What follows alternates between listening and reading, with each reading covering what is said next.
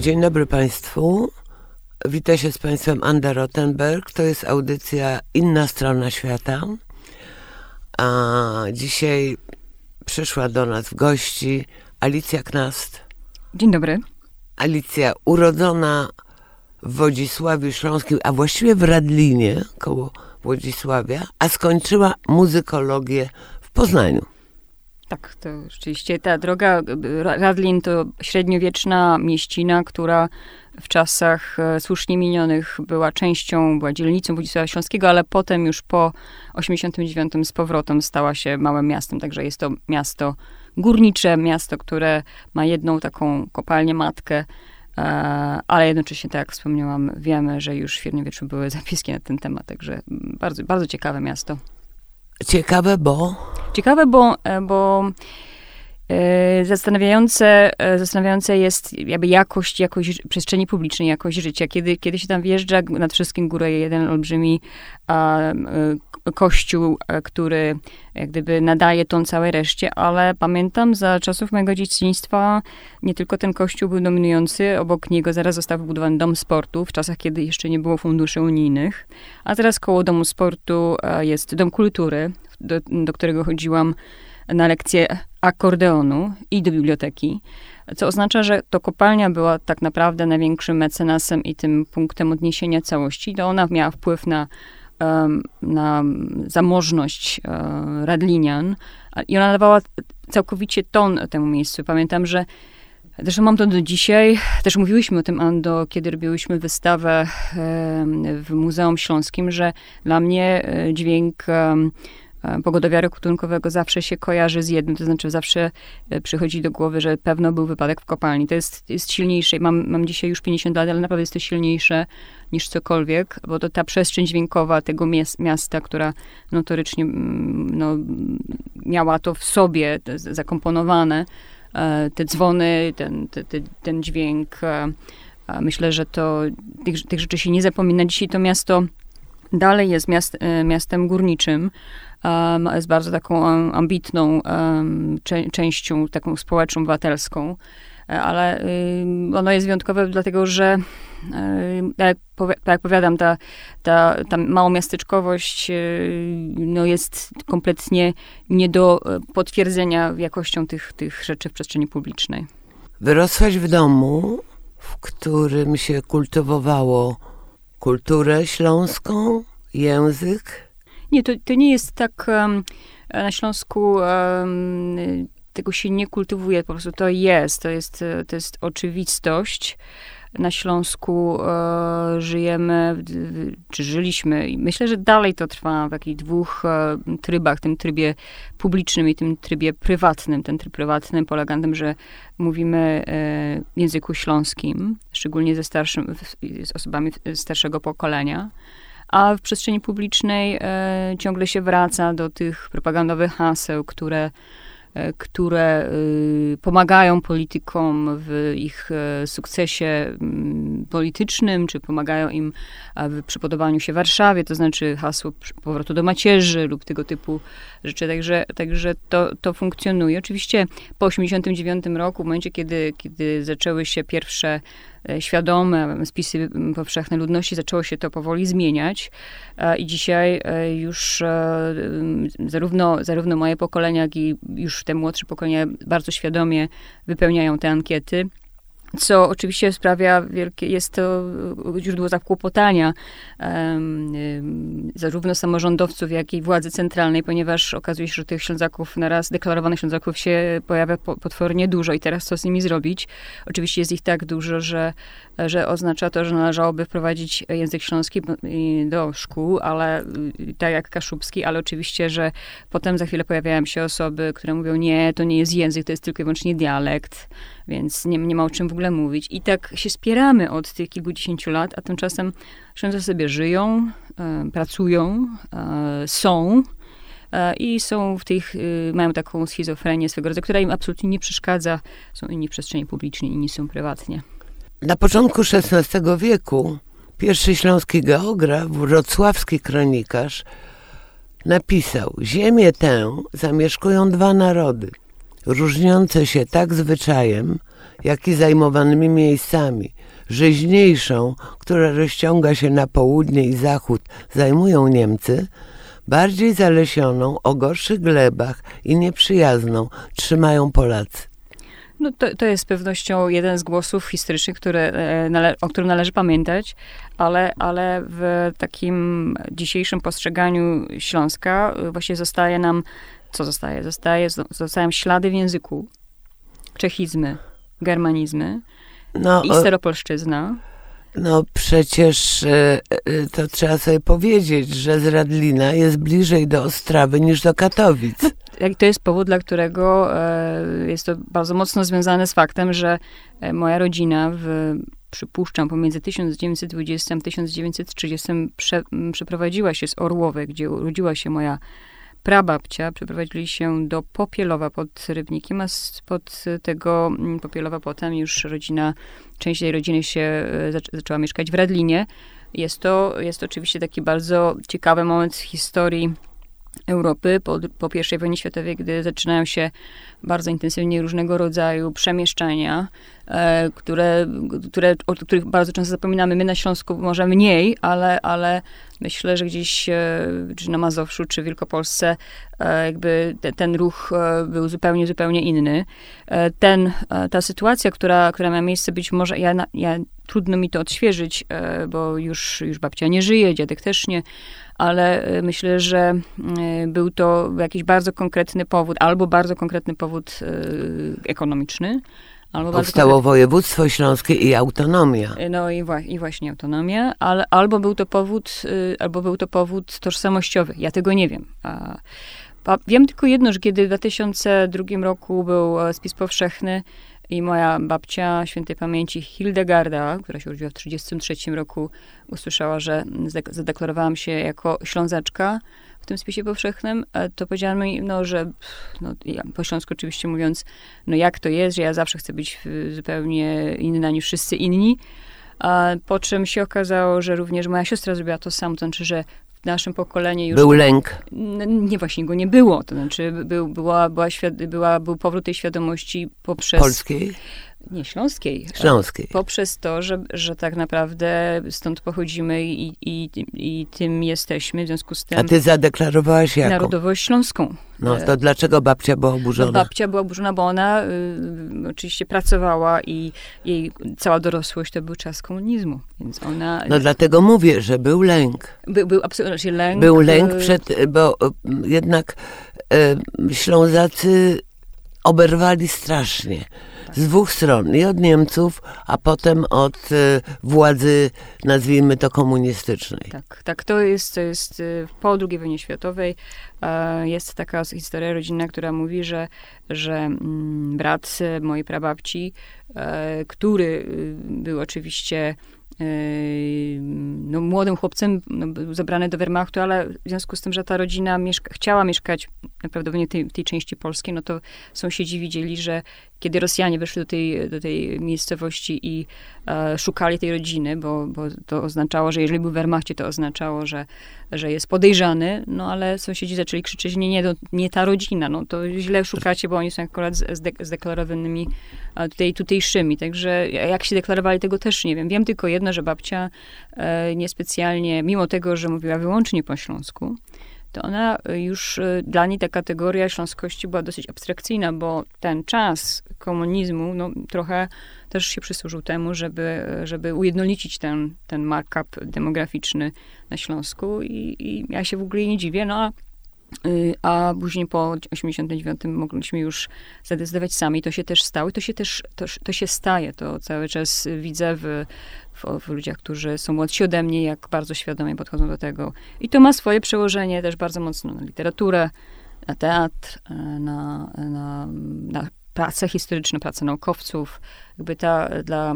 naukowców, na historyków e, na Górnym Śląsku, z tym, z czym miałam bardzo często kontakt, sprawa jest oczywista, zrozumiała, e, wielowymiarowa, mm, ale ten, ta narracja, kiedy zaczęliśmy, byliśmy uczestnikami, czy, czy muzeum, czy, czy wspólnie na jakichkolwiek paneli dyskusyjnych, to, to każdy oczekiwał jakiegoś jasnego wytłumaczenia, jak to jest z tym Śląskiem, a przy czym to się po prostu nie da.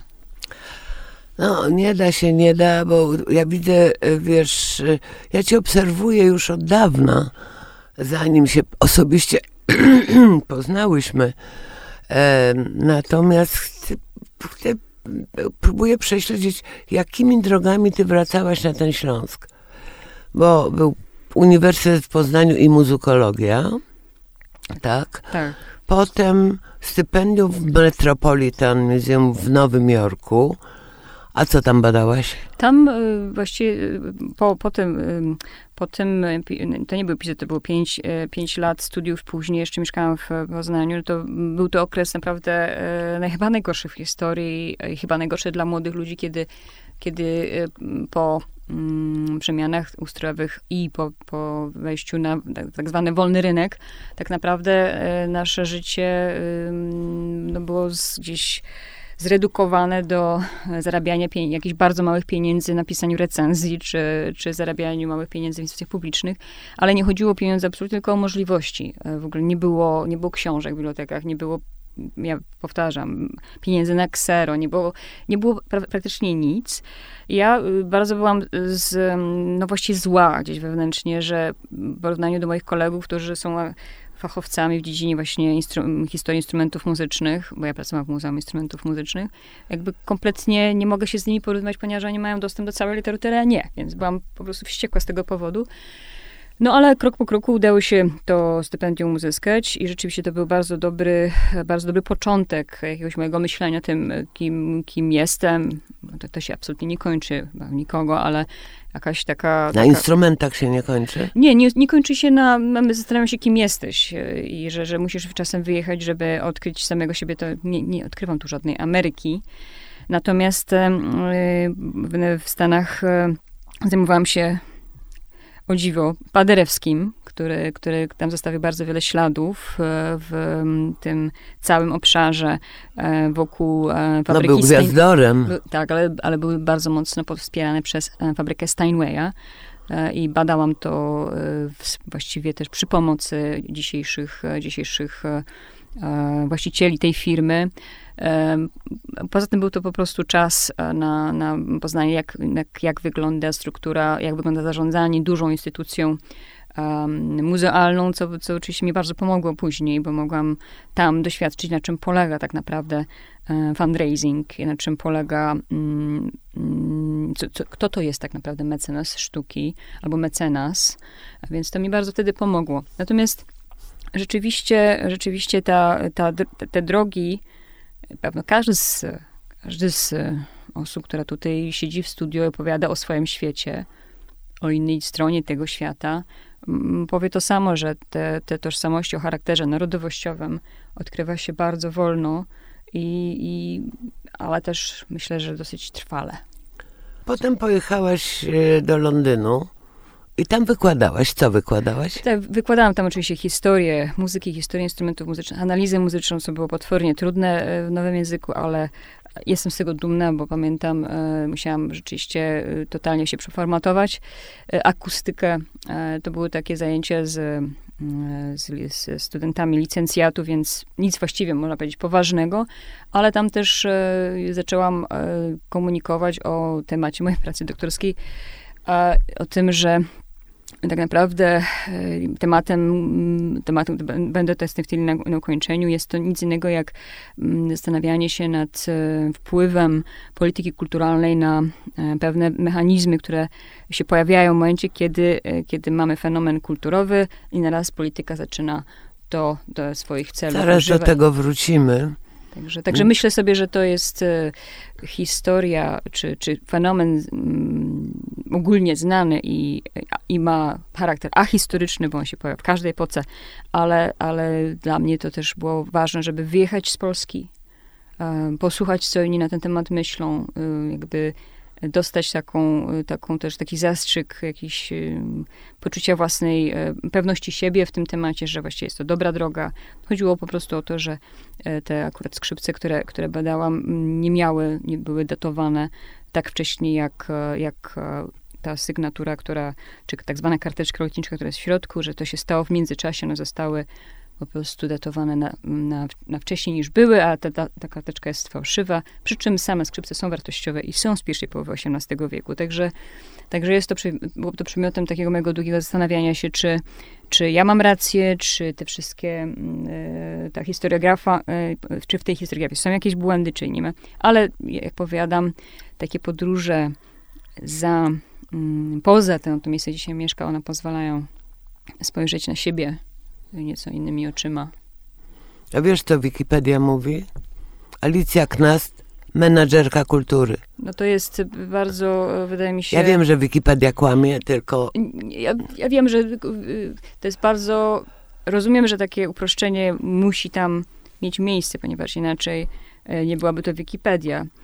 No, jeżeli to komuś ułatwia e, życie... Mówię to... to dlatego, że mniej osób wie o twoim muzykologicznym wykształceniu, a więcej o tym, jak potrafisz działać. Bo jak ja cię poznałam, a wtedy już kończyłaś Muzeum Fryderyka Chopina w Warszawie.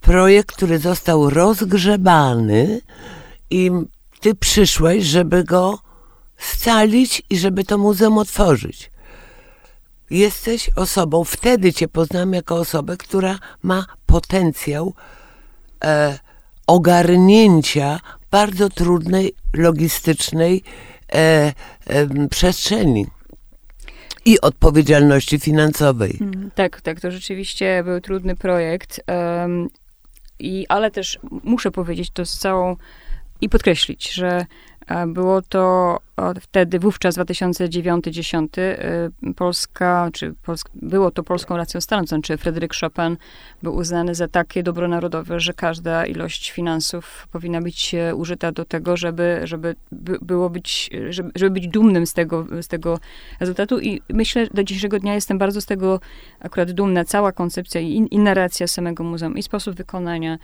w ogóle, w ogóle się nie starzeje. Minął już 14 lat i dalej myślę, że może sobie jeszcze kilka lat pobyć, chociaż wiem, że muszą tam nastąpić zmiany i kole, koledzy, y, z kolegami też o tym rozmawiam, y, z Sewerynem Kutrem, który w tej chwili jest tam, szefuje, więc cieszę się, że będą zmiany, ale, się, ale myślę, że ten koncept się obronił. Ale jeżeli chodzi o sposób, ja nie wiem, nie, nie potrafię wytłumaczyć, z czego to wynika.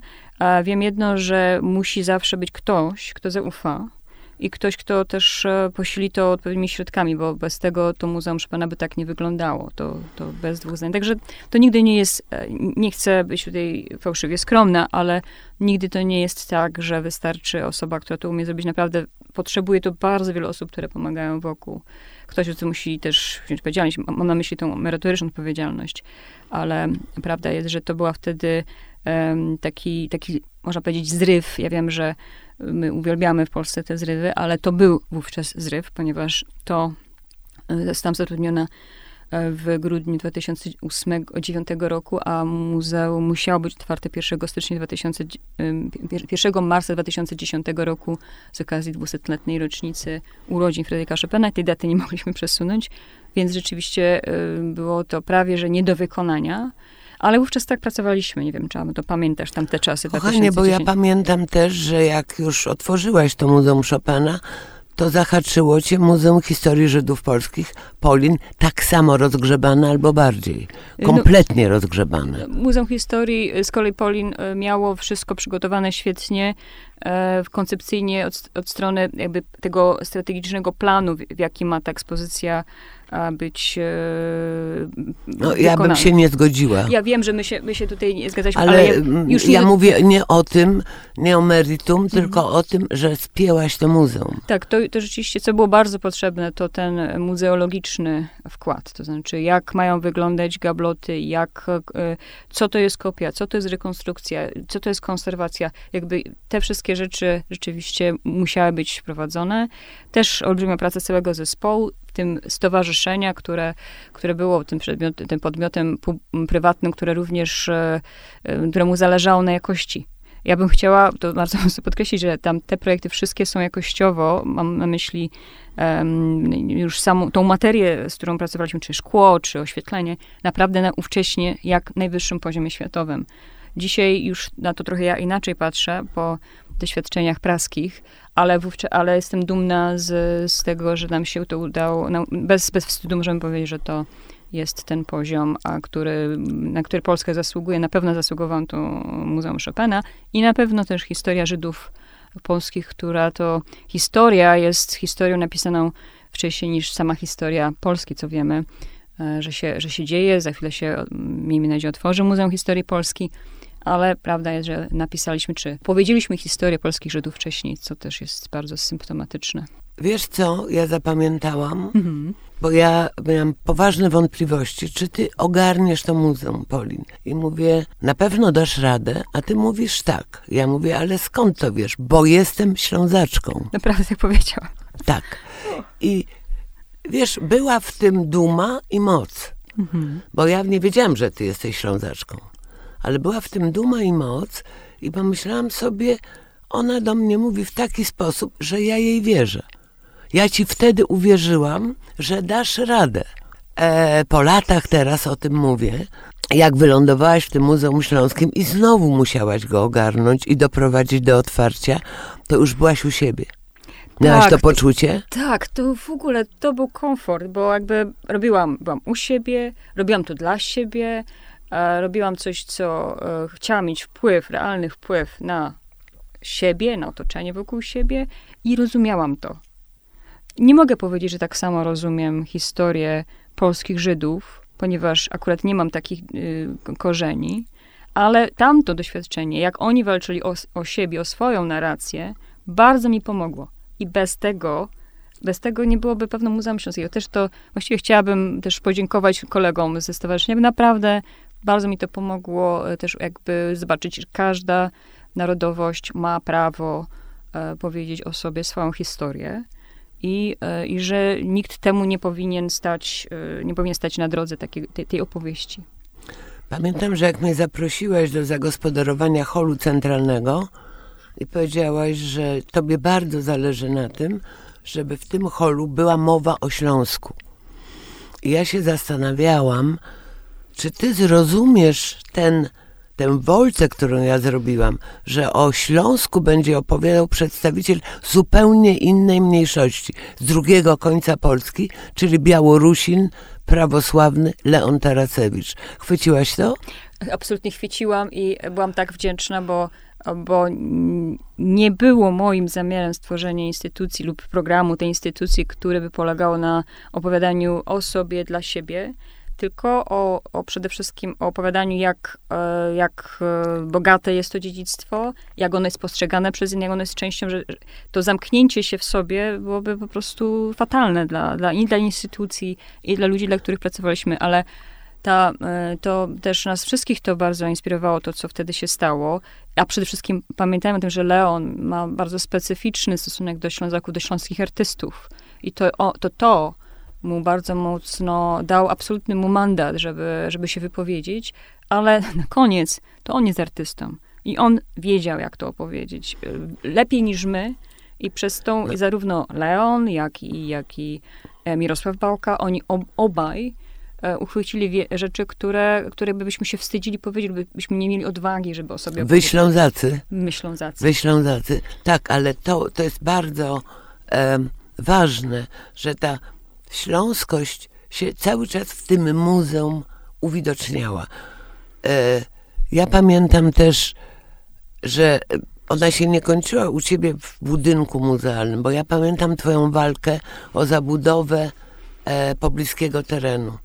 Tak, to była walka, e, która tę bitwę przegrałam ale nie sądzę, żebym... A to powiedz, o co chodziło. Tak, chodziło o to, że po wybudowaniu całej strefy kultu, kultury, oczywiście m, mm, prywatni właściciele zainwestowali w teren, który się znajdował się wokół a, tejże instytucji. A to, że zostało przeoczone e, jeden podstawowy fakt, mianowicie nie było planu gospodarowania przestrzennego, um, to na tym miejscu mogły stanąć, właściwie mogło stanąć wszystko w każdej wysokości E, w każdym kształcie i, i rzeczywiście stanęło. Mój, mój, moja obawa polegała na tym, że ta, ten pejzaż e, industrialny z dodaniem tych nowych e, struktur, które, które zostały zaproponowane przez firmę Riegler Rive, czy architektów Riegler Rive z Austrii, ten pejzaż, który miał sens, on, to on budował znowu przestrzeń publiczną w Katowicach, to on mówił, czym to miasto jest i gdzie on, w jakim kierunku ono idzie.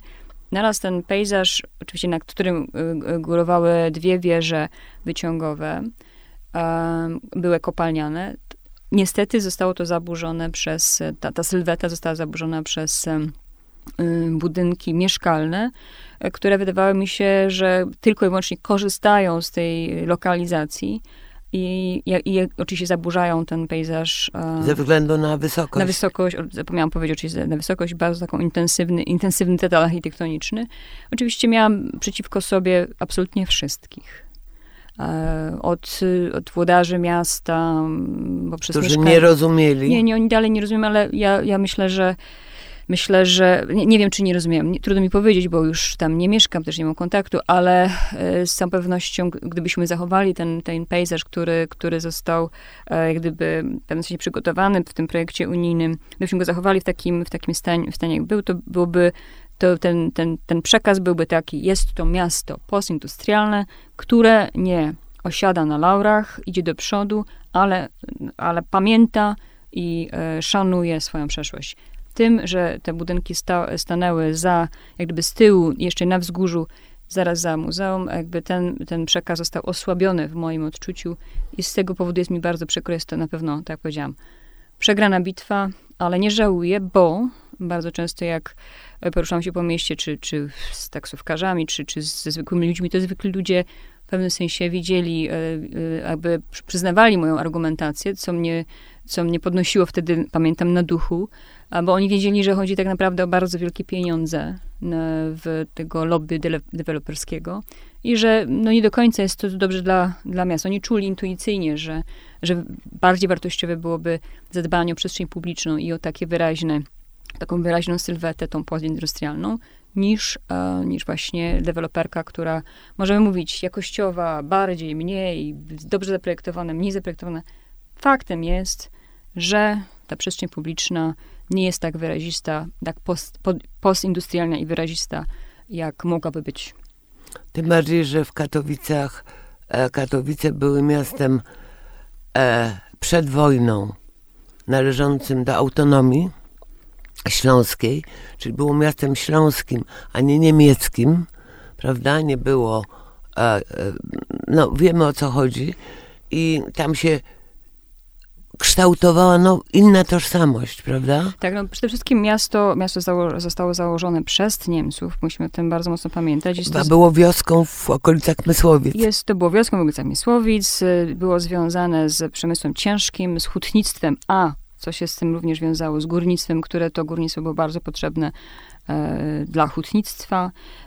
I te całe, to całe założenie, te, te miejsca takie jak Nikiszowiec czy czy częściowo Giszowiec, te miejsca ściśle związane z tym, z tym bogactwem tego, tego regionu, a tym samym z tą, z tą y, próbą y, też pewnego eksploatowania do, do, do ostatniej, że tak powiem, intensywnego eksploatowania tej, tej przestrzeni, to y, rzeczywiście odcisnęło bardzo silny, y, silne, silne znamie na tym, na tym mieście, zarówno głównie w przestrzeni publicznej, więc, więc dzisiaj zabudowa tego Śródmieścia Katowic y, jest głównie związana ze z taką, czy z taką zabudową klasycyzującą, romantyzującą, ale do tego, co trzeba, musimy o tym pamiętać, zaraz po, po plebiscycie, e, bardzo silnie nastąpił taki wątek modernistyczny, który się miesza tam bardzo pięknie w Katowicach, co musimy o tym też powiedzieć, bo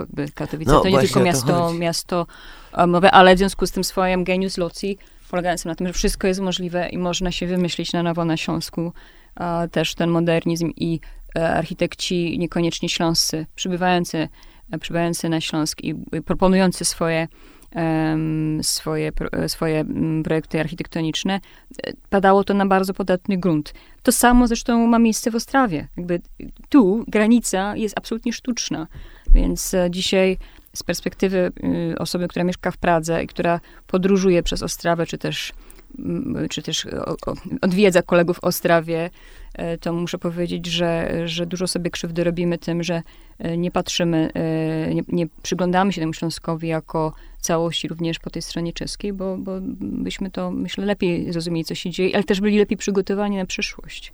Bo nie chodzi o to, żebyśmy pamiętali o, o tym, co się wydarzyło historycznie, ale byśmy po prostu wiedzieli, jak w tym nawigować i jak i czego się nie bać, nie bać się odważnych e, posunięć, ale z, z jakimś szacunkiem dla przeszłości, przy czym, e, przy czym oczywiście każdy będzie miał w innym miejscu ustanowioną tą, tą, ten poziom, jak ten, tę przeszłość szanować, jak z nią pracować. Dla mnie w Katowicach było to to to, że, nie de, że deweloperka to nie za, za, za muzeum, ale dla innych tak, dla innych to nie był problem, dla włodarzy miasta to nie był problem.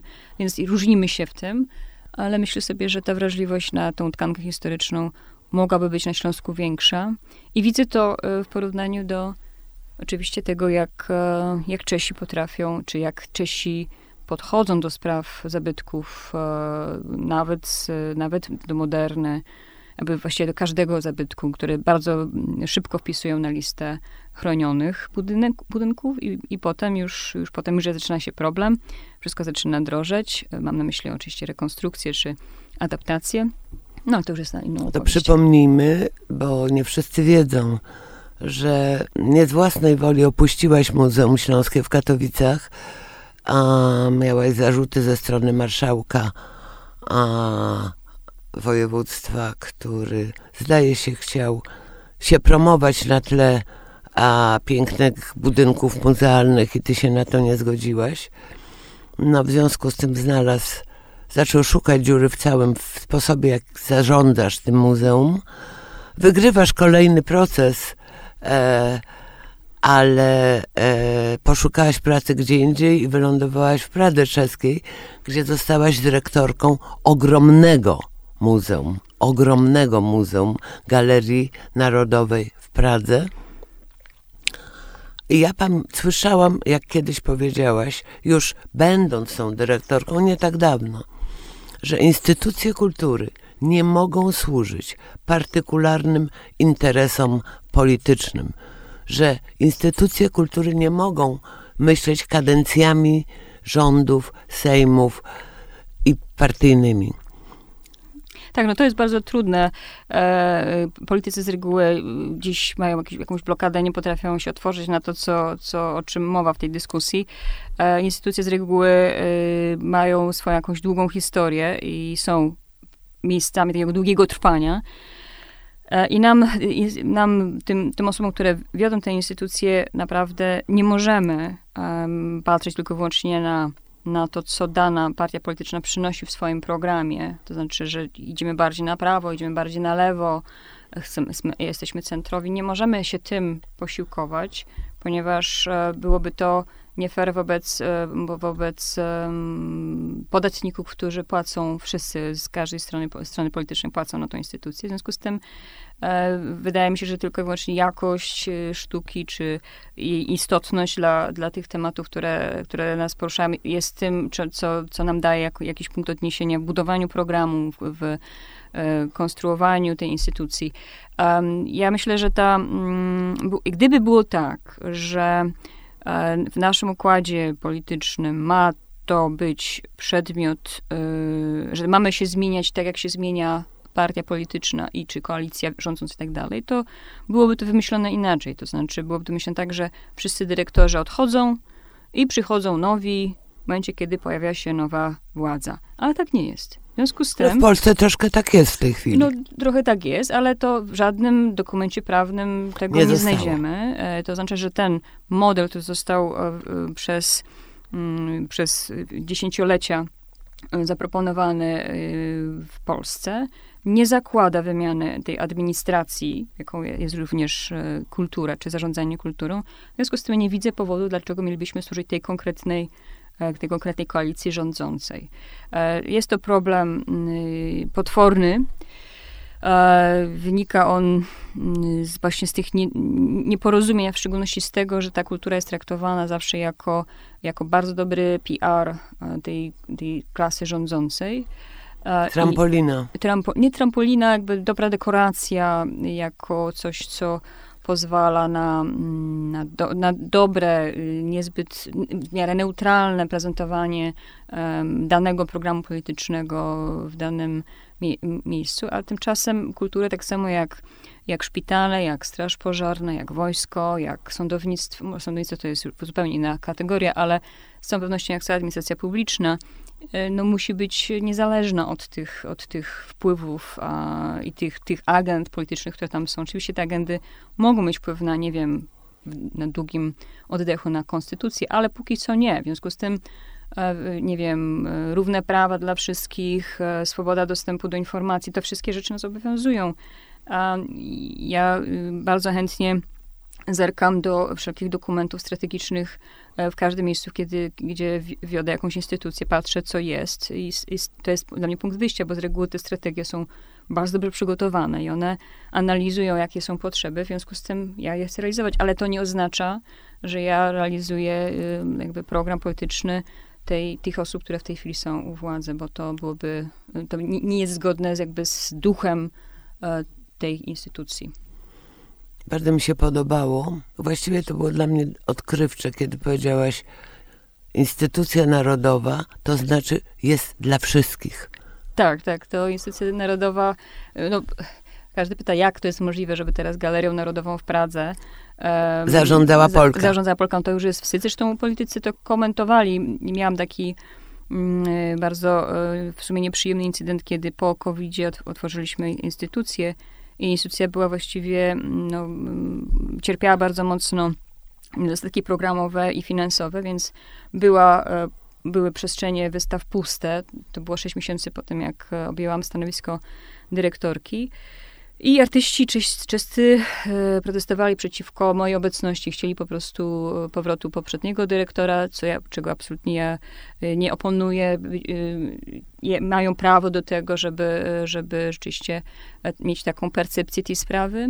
Ale pamiętam, że jeden z polityków obudził się i, i powiedział, jak to jest możliwe, żeby dyrektorką Galerii Narodowej była Polka, na co ówczesny minister kultury również na Twitterze odpowiedział mu, no to ciekawe, co pan poseł, um, co się stanie, jak pan poseł odkryje, kto jest dyrektorem artystycznym Filharmonii Narodowej i kto jest dyrektorem artystycznym Teatru Narodowego, bo y, w jednym przypadku to był, to jest e, Amerykanin rosyjskiego pochodzenia, a w drugim jest to Norweg. W związku z tym Czesi e, mają to poukładane, dla nich, dla nich e, liczy się merytoryka. Oczywiście jest to potwornie trudne, bo oczywiście wygrać konkurs jest jedna rzecz, ale wieść instytucje to jest druga rzecz. E, tak I mówić po czesku. Y, nauczyć się czeskiego, czy ja mówię po czesku jeszcze nie wiem, ale y, staram się, natomiast bez, bez tego absolutnie wybieram sobie. Ale bez śląskiego poszłoby ci gorzej. Bez śląskiego poszłoby mi gorzej, to bez dwóch zdań. Zresztą jest to cudowne, jak odkrywam te czechizmy w śląskim, kiedy uczę się teraz czeskiego. Bardzo, to jest, to jest wyborna zabawa muszę przyznać, ale, ale mm, y, im dalej w las, tym bardziej, e, bardziej czuję, jak, jaką wielką odpowiedzialność, jaka spoczywa na moich barkach, odpowiedzialność za dziedzictwo narodowe innego kraju, które jest bardzo bogate. Ale kiedyś, na początku, Śląsk, Czechy, tak. to był jedna kraina. To była jedna kraina, i, tylko że dzisiaj Czesi jednak to bardzo mocno rozróżniają. rozróżniają e, jest Czechia, Morawy, i Śląsk. Dla nich to naprawdę jest bardzo konkretny podział i bardzo wyraźny. Oni się nie posługują na co dzień, ale, ale myślę, że to, że, że są krajem, który, który ma olbrzymie zasoby. Proszę sobie wyobrazić, że w Czechach jest 500 muzeów, oczywiście na bardzo, na, na bardzo różnych poziomach, a tymczasem w Polsce, która jest o cztery razy większa, jest tysiąc. Więc widzimy, jaki, jak, jaki jest stosunek do dziedzictwa i jak, e, jak my go pielęgnujemy. W Polsce pielęgnujemy go z przytupem, to znaczy budujemy olbrzymie instytucje, które mają, e, które mają duże budżety, mają duże możliwości, ale w Czechach ten, ten sposób e, jest inny. Po prostu w każdym małej mieścińce jest muzeum, jest galeria sztuki, albo i galeria i muzeum najczęściej. I tak sobie żyją. No może dlatego, że co pewien czas lubili wyrzucić um, rozmaitych urzędników przez okno. Być może, być może tak, ale y, też Czesi y, po prostu bardziej niż my w Polsce umieją połączyć. Y, jeszcze a propos twojego pytania, Ando, o to, dlaczego muzykologia. Myślę, że ten podział na y, sztuki wizualne, muzykę, teatr, jest po prostu sztuczny Wiemy. i wiemy obie, że po prostu nam bardziej przeszkadza niż pomaga, a że instytucje muszą funkcjonować, no sobie funkcjonują, ale tymczasem k- kreatywność ludzka jest, jest jeden fenomen i warto mieć na to szeroki, szerokie spojrzenie. I szczerze powiem, e, na co dzień może by i moi koledzy chcieli, żebym była historykiem sztuki, bo pewno bym im była w stanie więcej pomóc. Przypuszczam, że tak, e, tak może być. Ale na, drugi, na drugą stronę... W, w, Ale widzisz szerzej. ale je, je, zawsze tłumaczę im, że jestem pierwszym krytycznym e, odwiedzającym i, i dość, że tak powiem, może powiem, takim, ja to nazywam wykształciuchem, jestem w stanie im e, coś doradzić, więc się tej roli się nie wstydzę. Ale y, bym chciała bardzo mocno podkreślić, że y, to, ten sposób podejścia do, do dziedzictwa w Czechach i między, między Czechami i Polską jest ol- olbrzymia różnica. Tam, tam naprawdę każdy gospodarz rozumie, że jeżeli ma oborę z, tam z XIX wieku, to mniej więcej wie, jak się ma z nią e, Obchodzić. obchodzić i dlaczego pewnych rzeczy tam nie będzie robił. Także ty, to, tym chyba się różnimy. No to na koniec jedno pytanie. A mniej więcej na przełomie XV-XVI wieku roz, zaczął się podział na Śląsk Dolny i Górny. Na Dolnym Śląsku nikt nie mówi po śląsku. Pytanie, jak to się stało? w związku z migracjami, w związku z tym, że rzeczywiście po, e, w szczególności po II wojnie światowej, e, no jakby te, te zmiany spowodowały jakby wypchnięcie tej rodzimej ludności i kompletną wymianę na zupełnie inną, a z kolei do, Górny Śląsk e, Się nie dał. się nie dał lub też miał zupełnie inną tą drogę. W związku właśnie z plebiscytem jednak e, było to bardziej przemieszane. Kiedy spojrzymy na wyniki plebiscytu, to, to widać, jak e, tam ten podział nie, nie, nie ma jednej granicy. Ale na Dolnym Śląsku nie było nie, plebiscytu. nie było plebiscytu, ale na Górnym Śląsku z kolei bardzo mocno widać, że ten podział nie, nie przebiegał e, topograficznie, przebiegał wia- miasta i wsie, także e, w związku z tym to jest taki, e, taki em, takie salami, E, także myślę, że, że, że tu to, to, to spowodowało, że to e, szybciej się, e, szybciej, e, znaczy jest to bardziej złożony problem i, i bardzo trudno znaleźć gdzieś wspólny A mianownik. nie to, że jednak poczucie tożsamości miejscowej. A to absolutnie, absolutnie. To y, y, przywiązanie akurat do tego miejsca, do, do tej lokalnej społeczności, do tej silniejsze parafii. niż gdziekolwiek. Jeśli ko- y, nie wiem, czy Niż, gdziekolwiek, niż, gdzie, niż w wielu innych ale miejsc. na pewno w wielu innych miastach. To, to bez dwóch zdań ludzie wolą dojeżdżać niż się przeprowadzić. E, uwielbiają to, swoją, to swoje miejsce, także tak też się rozwija Górny Śląsk. Proszę zobaczyć, że na Górnym Śląsku jest bardzo dużo dobrych dróg. To nie jest bez przypadek. Ludzie chcą mieszkać w swoich, e, w swoich małych mieścinach, miasteczkach, e, gdzieś poza głównymi miastami. Centrum Katowic już teraz nie wiem, jak to na dzień dzisiejszy wygląda, bo myślę, że przy obecności gości z Ukrainy to wygląda trochę inaczej, ale tak naprawdę e, gro osób pracujących w Katowicach nie mieszka w Katowicach. Wszyscy dojeżdżają do Katowic. Ale wydaje mi się, że, że Górny Śląsk, e, zapomnieliśmy o jednym wątku, mianowicie wątku żydowskim na Górnym Śląsku, który był oczywiście bardziej związany z, e, byli to Żydzi niemieccy niż polscy. E, I ten wątek też e, w związku z całą, e, z, z, z, powiem, taką zwykłą, histo- tą, tą powszechną historią Holokaustu, też oczywiście ślady po No. Żydach e, śląskich e, znikły, ale o to oni mieli ogromny wpływ na, też na, i na przemysł, i na przestrzeń publiczną. Em, I i to, e, to o tym musimy pamiętać bardzo mocno. Ja ci bardzo dziękuję. Cieszę się, że trafiłaś tutaj w momencie, w którym wpadłaś na chwilę do Warszawy. No i mam nadzieję, że wkrótce obejrzę pierwszą dużą ekspozycję stałą w Galerii Narodowej w Pradze.